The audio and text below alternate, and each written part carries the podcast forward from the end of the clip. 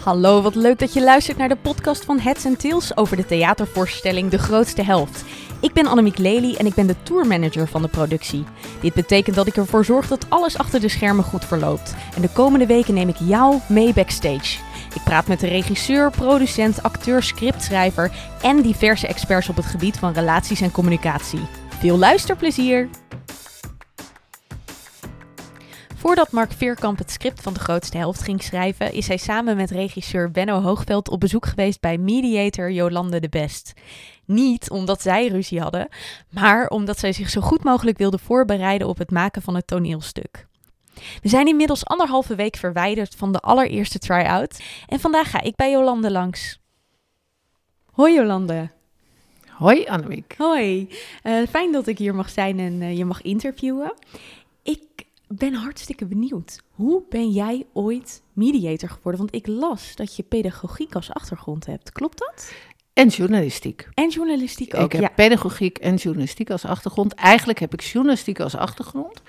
En toen ben ik ooit als redacteur bij Ouders van Nu gaan werken. Dat werd toen nog heel veel gelezen. Toen was er nog geen internet en, uh, en uh, waren geen fora waar je op terecht kon. Dus dat was echt de bijbel van alle jonge ouders. En toen ben ik daar gewoon redacteur geworden. En in der tijd weet ik nog dat alles wat wij schreven werd toen heel serieus genomen. En toen dacht ik toch eigenlijk te gek voor woorden. Ik heb alleen maar school journalistiek. Toen ben ik pedagogiek gaan studeren. Ah. En laat, nou daar ben ik zo opgeklommen, zeg maar, bij Ouders van Nu. En uiteindelijk ben ik 15 jaar hoofdredacteur geweest van zowel Ouders van Nu als Grote Groeien. Ging over iets grotere kinderen. En op enig moment, ik moet even denken, in 2002, 2003, ben ik zelf gescheiden. En dat was een hele goede scheiding, zou ik maar zeggen, voor zover dat bestaat. Maar mijn kinderen, ik heb drie kinderen, hebben dat toch ontzettend moeilijk gevonden. En destijds dacht ik van, goh, als je het best netjes aanpakt. Ik was natuurlijk ook pedagoog, dus ik wist ook wel een beetje wat ik wel moest doen en wat ik niet moest doen. En als het er dan al zo inhakt bij die kinderen, hoe moet het dan niet zijn bij mensen bij wie dat allemaal een wat minder soepel verloopt? En toen dacht ik, als ik ooit wegga bij de bladen, dan wil ik daar iets mee gaan doen. En dat is de aanleiding geweest uiteindelijk waarom ik mediation opleiding ben gaan doen. En later ook familiemediator en allerlei specialisaties heb gedaan. Ook voor het omgaan met kinderen na scheiding. En ik ben ook kiescoach. Ja, dat, dat is dat je kinderen begeleidt uh, na scheiding. Dus zo is het een beetje gekomen. Eigenlijk is dat natuurlijk hetzelfde bij heel veel mensen in heel veel vakken. Daar zit een soort persoonlijke... Element in wat gemaakt heeft dat je echt wordt gemotiveerd om iets te doen. Want is het mogelijk om goed te scheiden? Ons uh, toneelstuk gaat natuurlijk over uh, twee mensen, en ze beschrijven het zo mooi in de, in de promo. Twee mensen die uitgesproken zijn, niks meer met elkaar te bespreken hebben, maar nog wel heel veel moeten overleggen. Want ja, zo'n scheiding, dat doe je samen. Ja, ja weet je, goed scheiden voor kinderen kan denk ik eigenlijk niet. Het maakt natuurlijk wel uit, je kunt wel heel slecht scheiden. Dat is een beetje een, een Kruiveriaanse uit, uh, uitspraak. een scheiding is voor kinderen altijd gewoon een drama. Die willen papa en mama samen. En ik heb wel meegemaakt dat kinderen die in een echt verschrikkelijke situatie leefden met hun, met hun ouders. Hè, waar we het hebben over geweld en zelfs ouders in detentie. En nou, noem maar op, echte ellende. Als je dan aan die kinderen vraagt wat je nou het liefst willen? Dan is toch papa en mama samen. Ik denk, ik ben dus nu, nou ja, ik ben in 2003 officieel gescheiden, dus dat is al 17 jaar. Uh, en mijn kinderen zijn ruimschoots volwassen. En ik ben al 15 jaar hertrouwd. Maar als ik nu zou zeggen, joh, ik ga toch maar weer door met, uh, met mijn ex, de kinderen het echt geweldig zouden vinden. Dus het is een basale behoefte. Je hoort ook wel eens dat volwassenen vaak achteraf zeggen: um, Mijn ouders zijn gescheiden en dat heeft heel lang heeft dat geduurd. Ik had liever gehad dat ze eerder in goede vrede uit elkaar gegaan zijn. Geloof je dat dat uiteindelijk, dat het toch uiteindelijk de wens altijd is van het kind dat papa en mama samen blijven? Of mama en mama of papa en papa? Het is, uh, het is een hele basale wens dat ouders samen blijven. Als uiteindelijk ouders uit elkaar gegaan zijn en voor die tijd was er heel veel ellende, dan is het natuurlijk, ik kan me voorstellen dat je die uitspraak doet. Ik hoor dat ook wel. En het is zeker ook niet aan te bevelen om alleen maar vanwege de kinderen bij elkaar te blijven, terwijl je echt niks hebt. Je bent voor je kinderen natuurlijk ook echt een rolmodel. Je, je moet voorleven. En ehm, als ik bijvoorbeeld naar mijn eigen eerste huwelijk kijk, uh, dan ja, was er eigenlijk nooit meer intimiteit en gezelligheid en we hadden elkaar niet veel meer te zeggen. En ik weet dat toen ik met uh, mijn huidige man trouwde, dat mijn kinderen het best wel grappig vonden om mij zo te zien. En ja, ik denk dat ik ze ook nu wel weer andere dingen heb laten zien en wel andere dingen heb voorgeleefd. En we leven ook in een maatschappij waarin kiezen voor jezelf ook belangrijk wordt gevonden. Um, wij zijn niet meer mensen die ons helemaal wegcijferen. Niet eens voor onze kinderen. Maar het blijft natuurlijk wel het lastigste ervan. En uh, heel vaak, ik geloof dat mannen gemiddeld na een jaar al een nieuwe relatie hebben en vrouwen na twee jaar. Uh, maar die kinderen blijven altijd zitten met ouders die gescheiden zijn. En die moeten ook altijd uh, de ene week bij papa en de andere week bij mama. Of, of een weekend, of nou ja, net hoe het is. En ook daarna nog. Ja. Ja, ouders die niet uh, samen bijvoorbeeld op een verjaardag kunnen zijn. Of, uh... Ja, maar dat zijn de zaken die ik heel goed bespreek tijdens de mediation. En dat ik ook zeg, uh, word geen ouders die uh, het leven van de kinderen ook op die manier gaan verpesten. Geef jezelf het cadeau om een goede relatie te hebben met je ex. Wij gaan, mijn ex en ik gaan nog steeds met de kinderen eens per jaar gaan we uit eten. Uh, met de kerst zo'n beetje. Ik weet niet of het dit jaar is met de corona, maar dat zien we wel. Maar in ieder geval, mijn middelste kind, die eet altijd heel langzaam. En dat deed hij toen hij klein was ook al. En ik herinner me dat we de laatste keer tijdens dat eten zeiden van... Oh, weet je nog? Weet je, dat zijn dingen, je hebt herinneringen van dat de kinderen kwamen, dat uh, ze klein waren. Die heb je alleen met je ex. Dat is dus je geeft je kinderen een cadeautje als je goed met elkaar kunt blijven opschieten. Maar jezelf ook. Je gooit anders een stuk van je geschiedenis weg. En het is heel fijn als jij een kleinkind krijgt, uh, dat je in de wieg kijkt en dat je tegen je ex kunt zeggen: Kijk nou eens, het is toch net Feline? En ik probeer mensen dat ook duidelijk te maken. En dan zeg ik ook, hoe erg is het? Ik heb wel eens iemand, ik heb een boek gemaakt, dat heet Hun scheiding, mijn leven. En dat zijn interviews met volwassen mensen, waar de ouders ooit van gescheiden zijn. Ik had aan tafel een mevrouw van 83, waren de ouders gescheiden toen zij vijf was. En zij zat aan tafel te huilen. Moet je nagaan hoe diep dat kan zitten. Ja.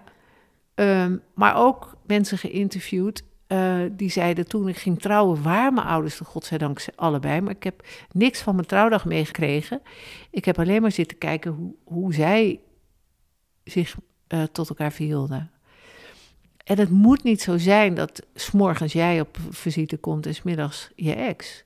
Terwijl dat kind... zijn wel dingen die ik echt aan tafel bespreek en zeg: Weet je, wat, hè, jullie gaan scheiden, maar weet wat de gevolgen zijn als je het niet goed doet. Terwijl een kind vaak juist het ultieme is van de liefde tussen mensen. Ja. Dus dan, ja, dan hoop je toch dat gewoon dat beeld van, van het kind op zich genoeg zou moeten zijn om ja, samen ja. door een deur te kunnen. Ja, aan de andere kant, het is ook, scheiden is ook echt iets van nu.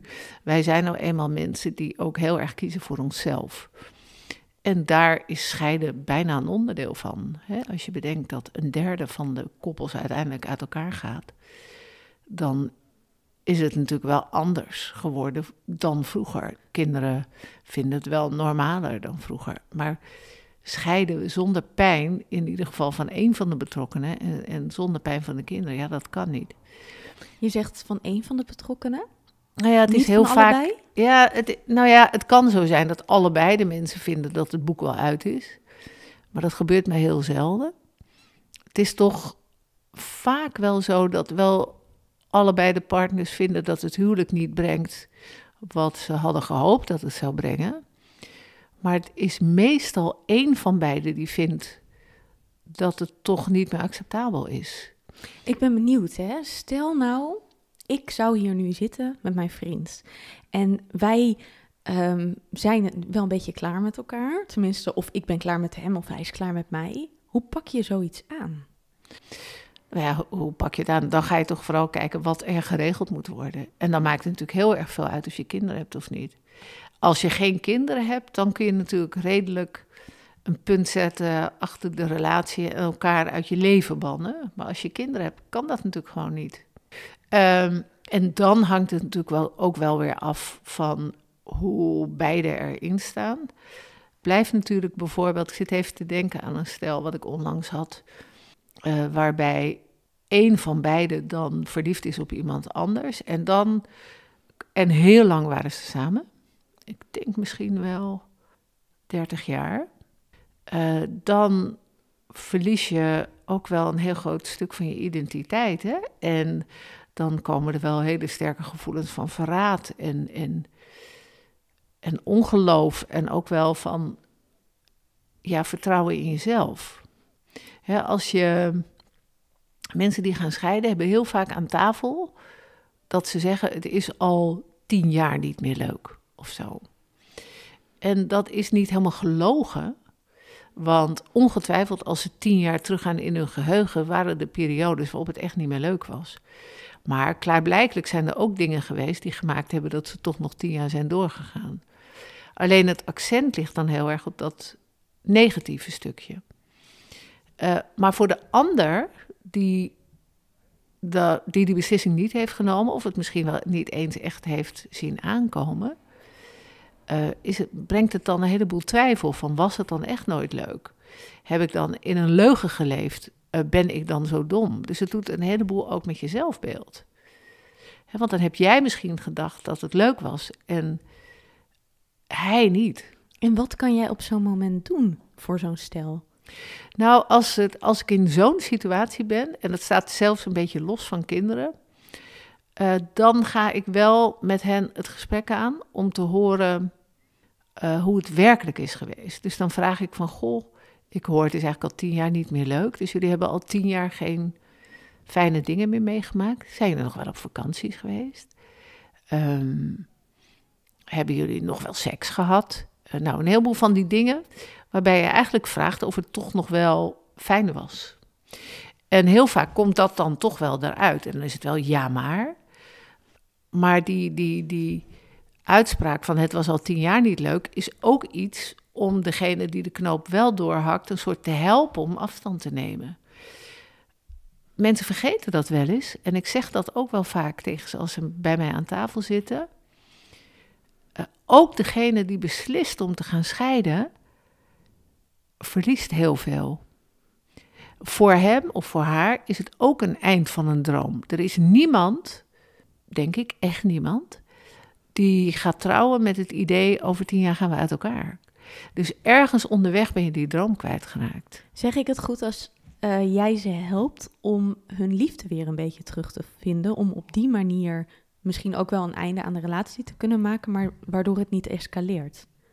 Ja, het is niet per se om het dan niet te laten escaleren. Wat ik probeer helder te krijgen is ook voor degene die die, die uh, beslissing niet heeft genomen, om duidelijk te krijgen wanneer het eigenlijk sinds wanneer het echt niet meer leuk is geweest. En voor die persoon is het heel belangrijk, want om niet het gevoel te hebben dat je al die tijd in de leugen hebt geleefd. Is ook voor kinderen heel belangrijk. Als kinderen zeggen, hebben papa en mama elkaar dan nooit leuk gevonden? Uh, dan kun je gaan kijken, nou, hoe was het op vakantie? Ja, dat was altijd wel heel leuk. En papa die moest altijd heel erg lachen. En die gooide mama in het zwembad. En gingen jullie wel eens uit eten? Ja, dat was ook heel leuk. En weet je, eigenlijk is het heel belangrijk dat je niet het gevoel hebt dat je leven mislukt is. Of dat zo'n relatie mislukt is. En het is een soort natuurlijk iets, wat ik net al zei. Dat je ook als je degene bent die, de, die wel de knoop doorhakt...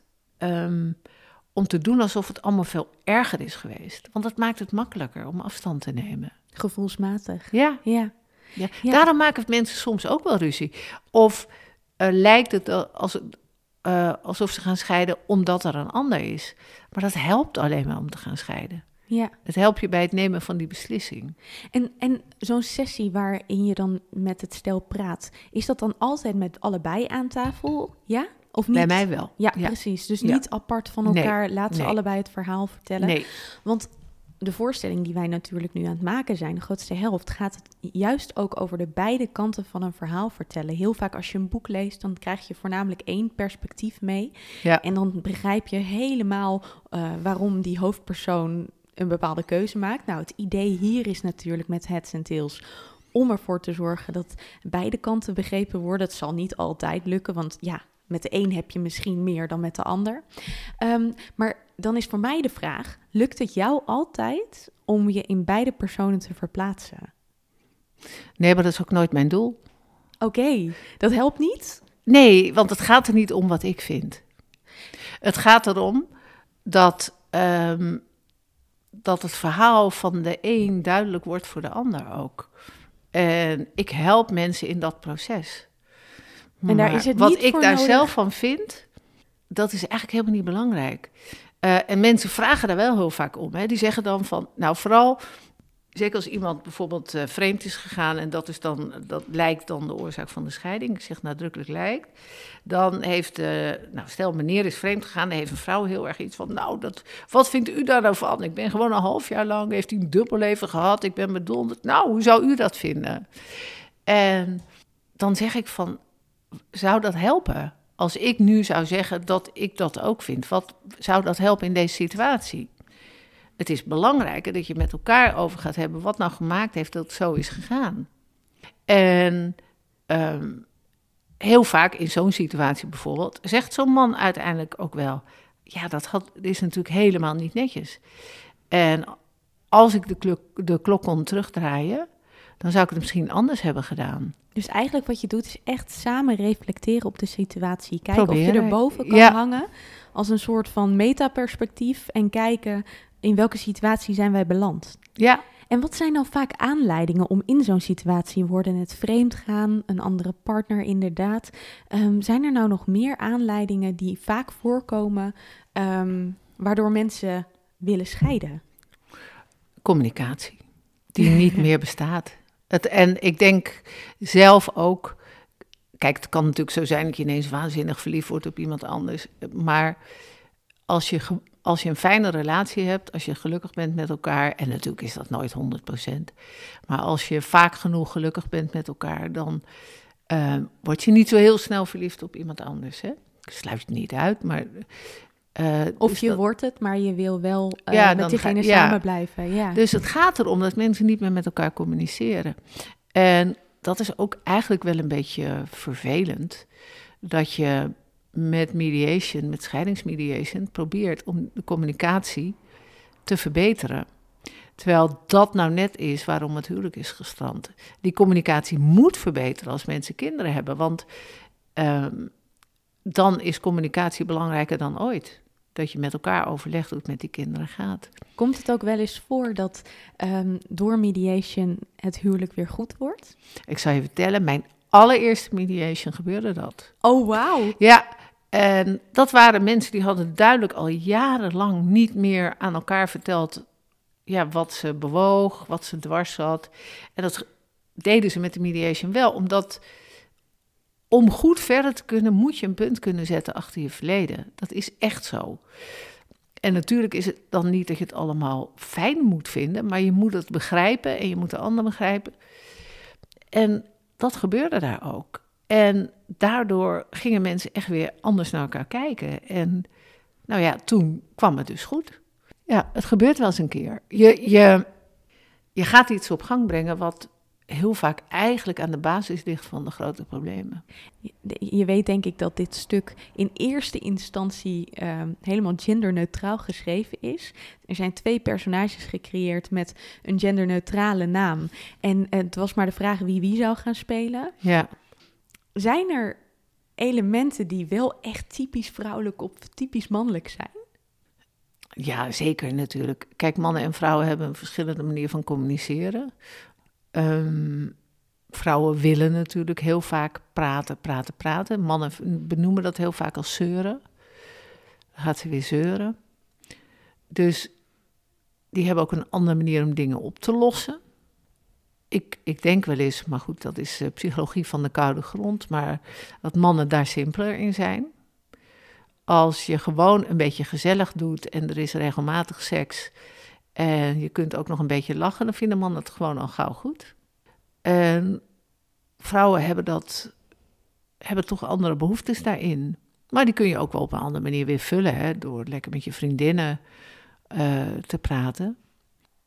Kun je, kun je er wel tegen dat je het met je man misschien wat minder doet. Maar ik denk wel dat mannen en vrouwen verschillend communiceren. Kijk, uh, vrouwen willen bijvoorbeeld, en daar is wel onderzoek naar gedaan, die willen um, seks als het goed is. En mannen willen seks om het goed te maken. En dat is natuurlijk al heel lastig te combineren. Als een, uh, um, ja, als er ruzie is en een man gaat dan, slaat dan de arm om je heen en begint een beetje te fozen, dan heeft zo'n vrouw zoiets, ja, ton erop. Daar heb ik nou helemaal geen zin in. Terwijl die man iets heeft van, ik wil het gewoon goed maken. Zo'n vrouw wil dat op een heel ander, die wil dan ander gedrag van die man zien. En dan wil ze ook wel weer vrijen. En ja, seks is natuurlijk ook zo'n ding wat in de loop van de tijd een rol kan gaan spelen. Horen krijg ik ook vaak te horen aan tafel van ja, we doen het ook nooit meer. En dat, ja, dat heeft onder meer wel hiermee te maken. Toch bepaalde verschillen die er in gender kunnen zitten. Ja. Um, ik weet niet of het zo is hoor, maar misschien heeft u wel um, nou, lesbisch of homo uh, stellen ook wel geholpen. Zitten daar dan verschillen in? Ik ben benieuwd, zijn er nou, zijn er echt daadwerkelijk die verschillen die we altijd denken dat er zijn? Of bestaan die gewoon niet en zitten die in ons hoofd en is dat een illusie? Ik heb een paar homostellen gehad, zowel mannen als vrouwen. En dat daarin eigenlijk toch een soort verdeling was van dat de een meer die mannelijke verantwoordelijkheid, eigenlijk bij allebei de stellen ja, die ik nu op mijn netvlies heb, dat waren vrouwen zoals mannen, waarbij één veel meer in die afhankelijke positie zat, zeg maar die vrouwenrol. En de ander veel meer in de, in de mannelijke rol. Het waren in ieder geval um, scheidingen waarbij het allebei heel netjes leek te gaan, maar waarbij het uiteindelijk gewoon toch niet lekker liep. Maar goed, dat kunnen ook die situaties zijn geweest, die mensen zijn geweest. Uiteindelijk is natuurlijk ieder mens uniek en zijn we nu aan het zoeken naar patronen. Ja. Dat begrijp ik hoor. Um, maar het is zo grappig, want natuurlijk zijn Mark en Benno hier geweest. Um, nou, wat zeiden we net, twee jaar geleden zoiets? Ja, zoiets. Aan het begin van de voorbereidingen van deze voorstelling. En wat zij natuurlijk wilden, is aan jou toch een beetje vragen: zijn er bepaalde patronen? Zijn er bepaalde dingen die zo herkenbaar kunnen zijn um, dat ons stuk aansluit op de belevingswereld van de kijker? ik kan me voorstellen dat je niet precies meer weet wat je twee jaar geleden hebt gezegd. Maar als ik het dan nog een keer vraag, wat zou je dan als advies meegeven om zo'n voorstelling te gaan maken over scheiden? Ja, dat is wel een hele brede vraag. Kijk, wat ik in, in scheidingen veel meemaak, is dat um, de, daar zit wel, zeg maar, daar spelen wel maatschappelijke uh, zaken een rol in. Maar dat zijn andere dan die emotionele dingen waar jij het nu over hebt. Maar wat wel um, bij heel veel scheidingen nog zo is, is dat, uh, dat de man en de vrouw zelf in een hele uh, traditionele rolverdeling zitten. Uh, waarbij ik merk dat eh, de mannen van nu daar eigenlijk wel wat, wat meer afstand van willen nemen. en de vrouwen er nog meer in zitten. Ik zal het wat toelichten. Wat opvalt bijvoorbeeld, is dat. Um, ik doe natuurlijk verreweg de meeste scheidingen van mensen met kinderen. Dat de vrouwen echt vinden dat zij de meeste rechten hebben als het over die kinderen gaat. Dus al wordt er afgesproken bijvoorbeeld dat er co-ouderschap komt, wat steeds vaker gebeurt, dat is ook pas weer uit de cijfers gebleken, maar dan is het de vrouw die dat toestaat. Het is echt zo, de kinderen zijn van haar. Zij bepaalt. En dat speelt in zo'n scheiding een hele grote rol. Mannen van nu willen de vaderrol heel anders invullen dan, laten we zeggen, 10, 20 jaar geleden. Die nemen gewoon geen genoegen meer met om het weekend, zaterdag en zondag, hun kind. En dat zorgt voor enorme conflicten natuurlijk. En dan ehm, dan zie je dat eh, de vrouw iets heeft van, ja, maar je hebt nog nooit iets met die kinderen gedaan. En dat die man dan ook zegt, maar dat komt omdat jij het me niet liet. Um, ander ding is dat er enorm veel um, rancune vanuit mannen bestaat over het feit dat ze partneralimentatie moeten betalen. Nou is wel de wet onlangs zo veranderd dat dat wat minder lang is. Maar dat mannen het gevoel hebben, de vrouw heeft heel vaak het leven kunnen leiden wat ze wilde. Die heeft heel vaak gekozen voor uh, minder werken, voor de, het grootste deel van de verzorging van de kinderen doen. En nu moet ik uh, daar ook nog eens een keer voor doorbetalen. Vrouwen zijn heel vaak, zijn in de meeste gevallen degene die beslissen om te gaan scheiden. Waarbij niet per se altijd de oorzaak van de scheiding bij de vrouw ligt. Een vrouw zal, ook als de man op een gegeven moment bijvoorbeeld verliefd is geworden op een ander, zal de vrouw vaker beslissen dat het dan moet stoppen, terwijl die man dat nog niet per se besloten heeft. En voor mannen is dus het feit dat ze het gevoel hebben, ik heb heel vaak of, of tijdens onze relatie eigenlijk altijd gedaan wat jij wilde. En nu wil jij ermee stoppen en dan moet ik toch nog geld betalen. En dat zorgt voor een enorme rancune. En dat zorgt ook voor heel veel problemen met en na die scheiding. Wat kun jij op zo'n moment, ja, communicatie zeg je, um, zijn dat altijd gesprekken of uh, doe je ook rollenspellen? Of heb je een bepaalde strategie of een bepaalde handelwijze? om tot dat meta-niveau te komen waar we het net over hadden.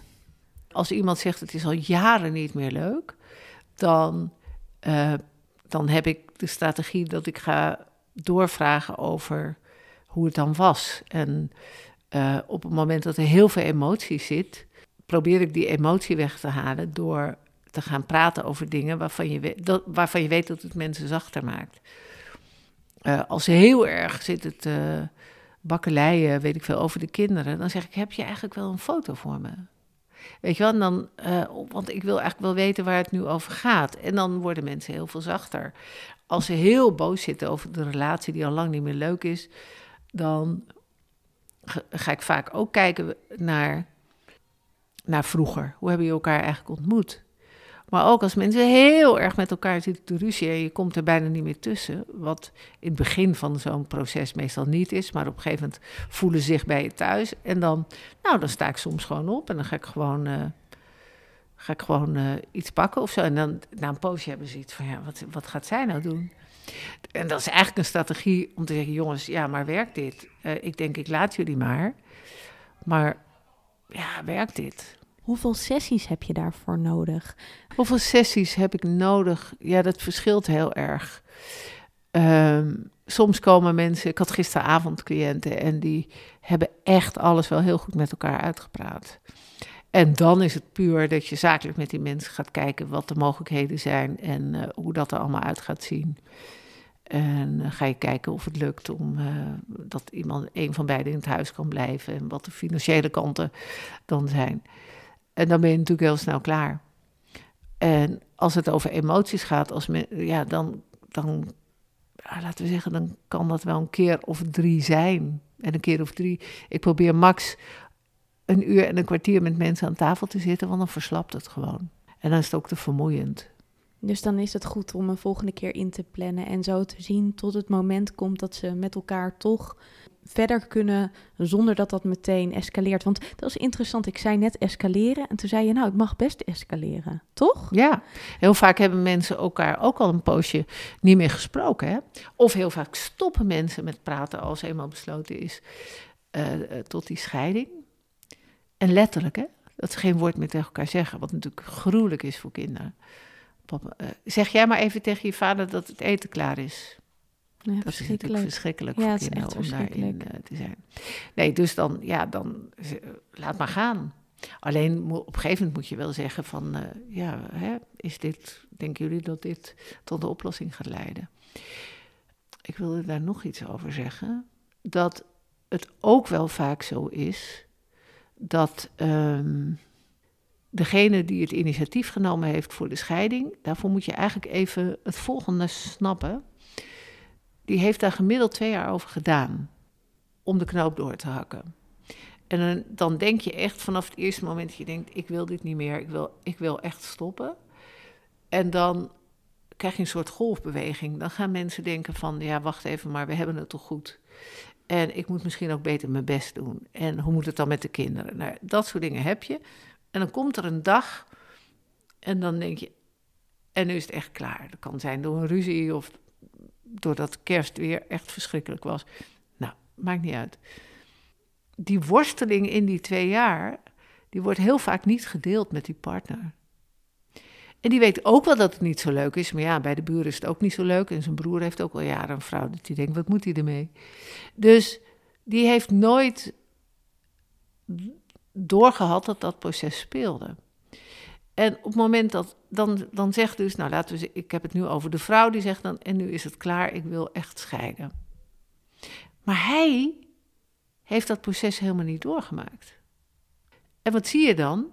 Dat diegene die, die het initiatief genomen heeft, heel snel door wil met die scheiding. Die heeft dat allemaal al gewoon verwerkt. Maar die man, in dit geval, die loopt achterop. En die is nog helemaal in shock. Moet je eigenlijk ook iets weten van rouw. Het is natuurlijk een rouwproces. Maar die, die, diegene die, dat, die de knoop heeft doorgehakt, die is al lang een heel eind die, die rouwcurve door. Terwijl die man staat in dit geval nog helemaal bovenaan. Of andersom. Die moet al die fases nog beleven. Ja, ja.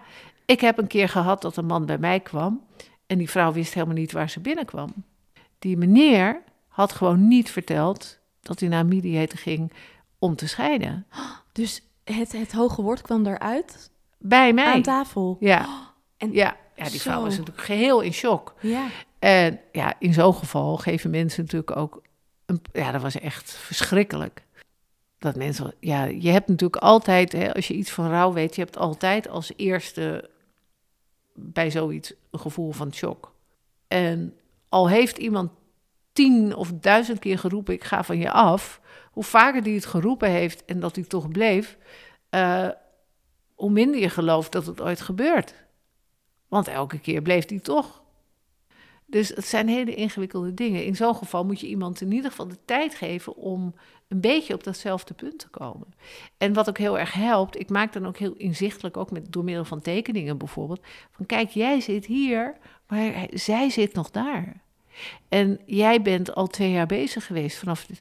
En dan is het heel vaak zo van, oh ja, nee, dat is wel zo. En als je dat uitlegt, zie je dat daar wel begrip voor komt en mensen het ook wel snappen en denken, ja, dat moet ik die ander gunnen. Maar soms kom je niet binnen en dan heeft iemand echt iets, ja, uh, ik vind alles best, maar ik wil gewoon dat geregeld wordt. En dan kom je bijna niet bij zo'n persoon binnen. En dat gebeurt wel eens. Ik vind het wel ook echt een mooie metafoor, zo'n rouwproces, omdat je moet iemand loslaten. Of je het nou wil of niet. Wat dat betreft is het ook. Liefdesverdriet is eigenlijk ook niet zo heel anders dan rouw kan ik me voorstellen. Het is rouw. Het is echt rouw. Ik heb zelf ook een opleiding rouw en verlies uh, gedaan om die reden. Het is gewoon een rouwproces. En het is niet alleen loslaten van die persoon. Het is ook loslaten van, uh, van heel veel uh, materiële dingen, maar ook loslaten van je positie. Mijn allerbeste vriendin, die is later wel gescheiden, maar die, die heeft dat heel lang niet gewild, omdat ze zei: ik wil gewoon geen gescheiden vrouw zijn. Ging hij helemaal niet om die persoon, daar was ze al lang klaar mee. Maar zij wilde geen gescheiden vrouw zijn. En het leven wat je samen hebt, uh, ja. misschien ook het huis wat je in je eentje niet kan betalen, waar je wel heel ook gelukkig al die bent. materiële dingen, Ja. maar ook echt het gevoel van niet meer één van twee zijn. Ik heb zelf wel eens dat ik uh, word gebeld door, uh, weet ik veel, een energiebedrijf of zo. En dan zeg ik, nou, dan moet ik toch echt even overleggen met mijn man. Hoef ik helemaal niet te overleggen met mijn man, ga ik ook helemaal niet doen. Maar het is wel een soort lekker makkelijk. Nou kun je dat natuurlijk ook doen als je gescheiden bent. Zij weten toch niet dat je die man niet hebt. Maar uh, je bent gewoon een setje. En nou ja, je hoort wel verhalen, hoewel ik wel het gevoel heb dat, dat de positie van singles wat anders is geworden in de loop van de tijd. Maar echt wel dat, dat men zich een vijfde wiel aan de wagen voelen hè, bij uh, een verjaardag met allemaal setjes en stelletjes. Het heeft materiële consequenties, hele grote. Er is nog nooit iemand rijker geworden van scheiden. Het, maar ook je moet bijvoorbeeld de helft van de tijd ga je je kinderen niet meer zien. Dat lijkt me echt verschrikkelijk. Ja, Ja. ja. Dat is echt een consequentie waarvan ik me kan voorstellen dat heel veel mensen juist daarom wachten. Ja. Ja, Ja. ik had nog één vraagje waar ik heel benieuwd naar ben. Eh, je hebt een aantal keer iets over je eigen ervaringen gezegd. Ja. Deel je die ook als je eh, mediation sessies hebt? Of is het dan belangrijk om toch wat afstand te houden om juist dat perspectief weer te houden waar we het in het begin over hadden? Ehm, eh, ik deel het in principe niet. Het is niet een geheim. Vaak weten mensen het wel. Het staat ook op mijn website en, en dat soort dingen. Maar het, het, ehm, het is niet iets wat in elk gesprek naar voren komt. Ehm, heel soms ehm, komt er wel eens een klein stukje uit naar voren. En soms ook wel met praktische dingen. Weet ik veel. Soms doen mensen toch, hebben ze nog een gezamenlijke kinderkostenrekening. En dan zeggen ze, ja, vraag eens af, zou dat nou werken? Wat vind jij daar nou van? Ja, en dan ga ik wel eerst uitvragen, hadden jullie ooit problemen met geld? En, en dan zeg ik, nou ja, het kan goed werken. Ik heb het zelf altijd zo gedaan en dat ging heel goed. Ja. Dus dat kan, maar het is, weet je, als mediator doe je er in zekere zin niet toe. Dat betekent ook dat jouw eigen scheiding daar geen rol in moet spelen. Het zou mensen ook het gevoel kunnen geven dat, je, dat ze het moeten doen zoals jij het hebt gedaan. Ja, terwijl het natuurlijk ook het gevoel van compassie kan geven. Van ik snap waar jullie doorheen Ja, gaan. Maar goed, daarmee kun je natuurlijk wel volstaan door te zeggen: ja, ik, ben, ik, ik, ik weet wat het is. En dat staat dan ook wel op mijn website, maar er staat niet aan detail hoe het bij ons was. Op eh, 5 oktober is het zover. Dan is de première van de grootste helft. Je bent uitgenodigd, dus komt ook kijken, toch? Ja, Ja? Wat verwacht je of wat hoop je te zien? Ik ben vooral ontzettend benieuwd naar wat ik ga zien. Ik, eh, ik ben ook heel erg benieuwd of ik dingen terug ga zien die ik zelf verteld heb over hoe het, hoe het gaat. Of, of ik elementen terug ga zien en horen van dingen die ik zelf heb geschetst. Dus ik vind dat heel leuk en heel spannend. Leuk dat je erbij bent. Ja, Tot vind dan. ik ook. Dankjewel. Dankjewel. Wil jij de grootste helft graag zien? Dat kan, want de voorstelling reist nog tot januari 2021 langs de Nederlandse theaters. Ga naar headsandtails.nl en bekijk de speellijst. Leuk om je daar te zien. En laat je daarna weten wat je van de voorstelling vond via onze socials. Tot dan!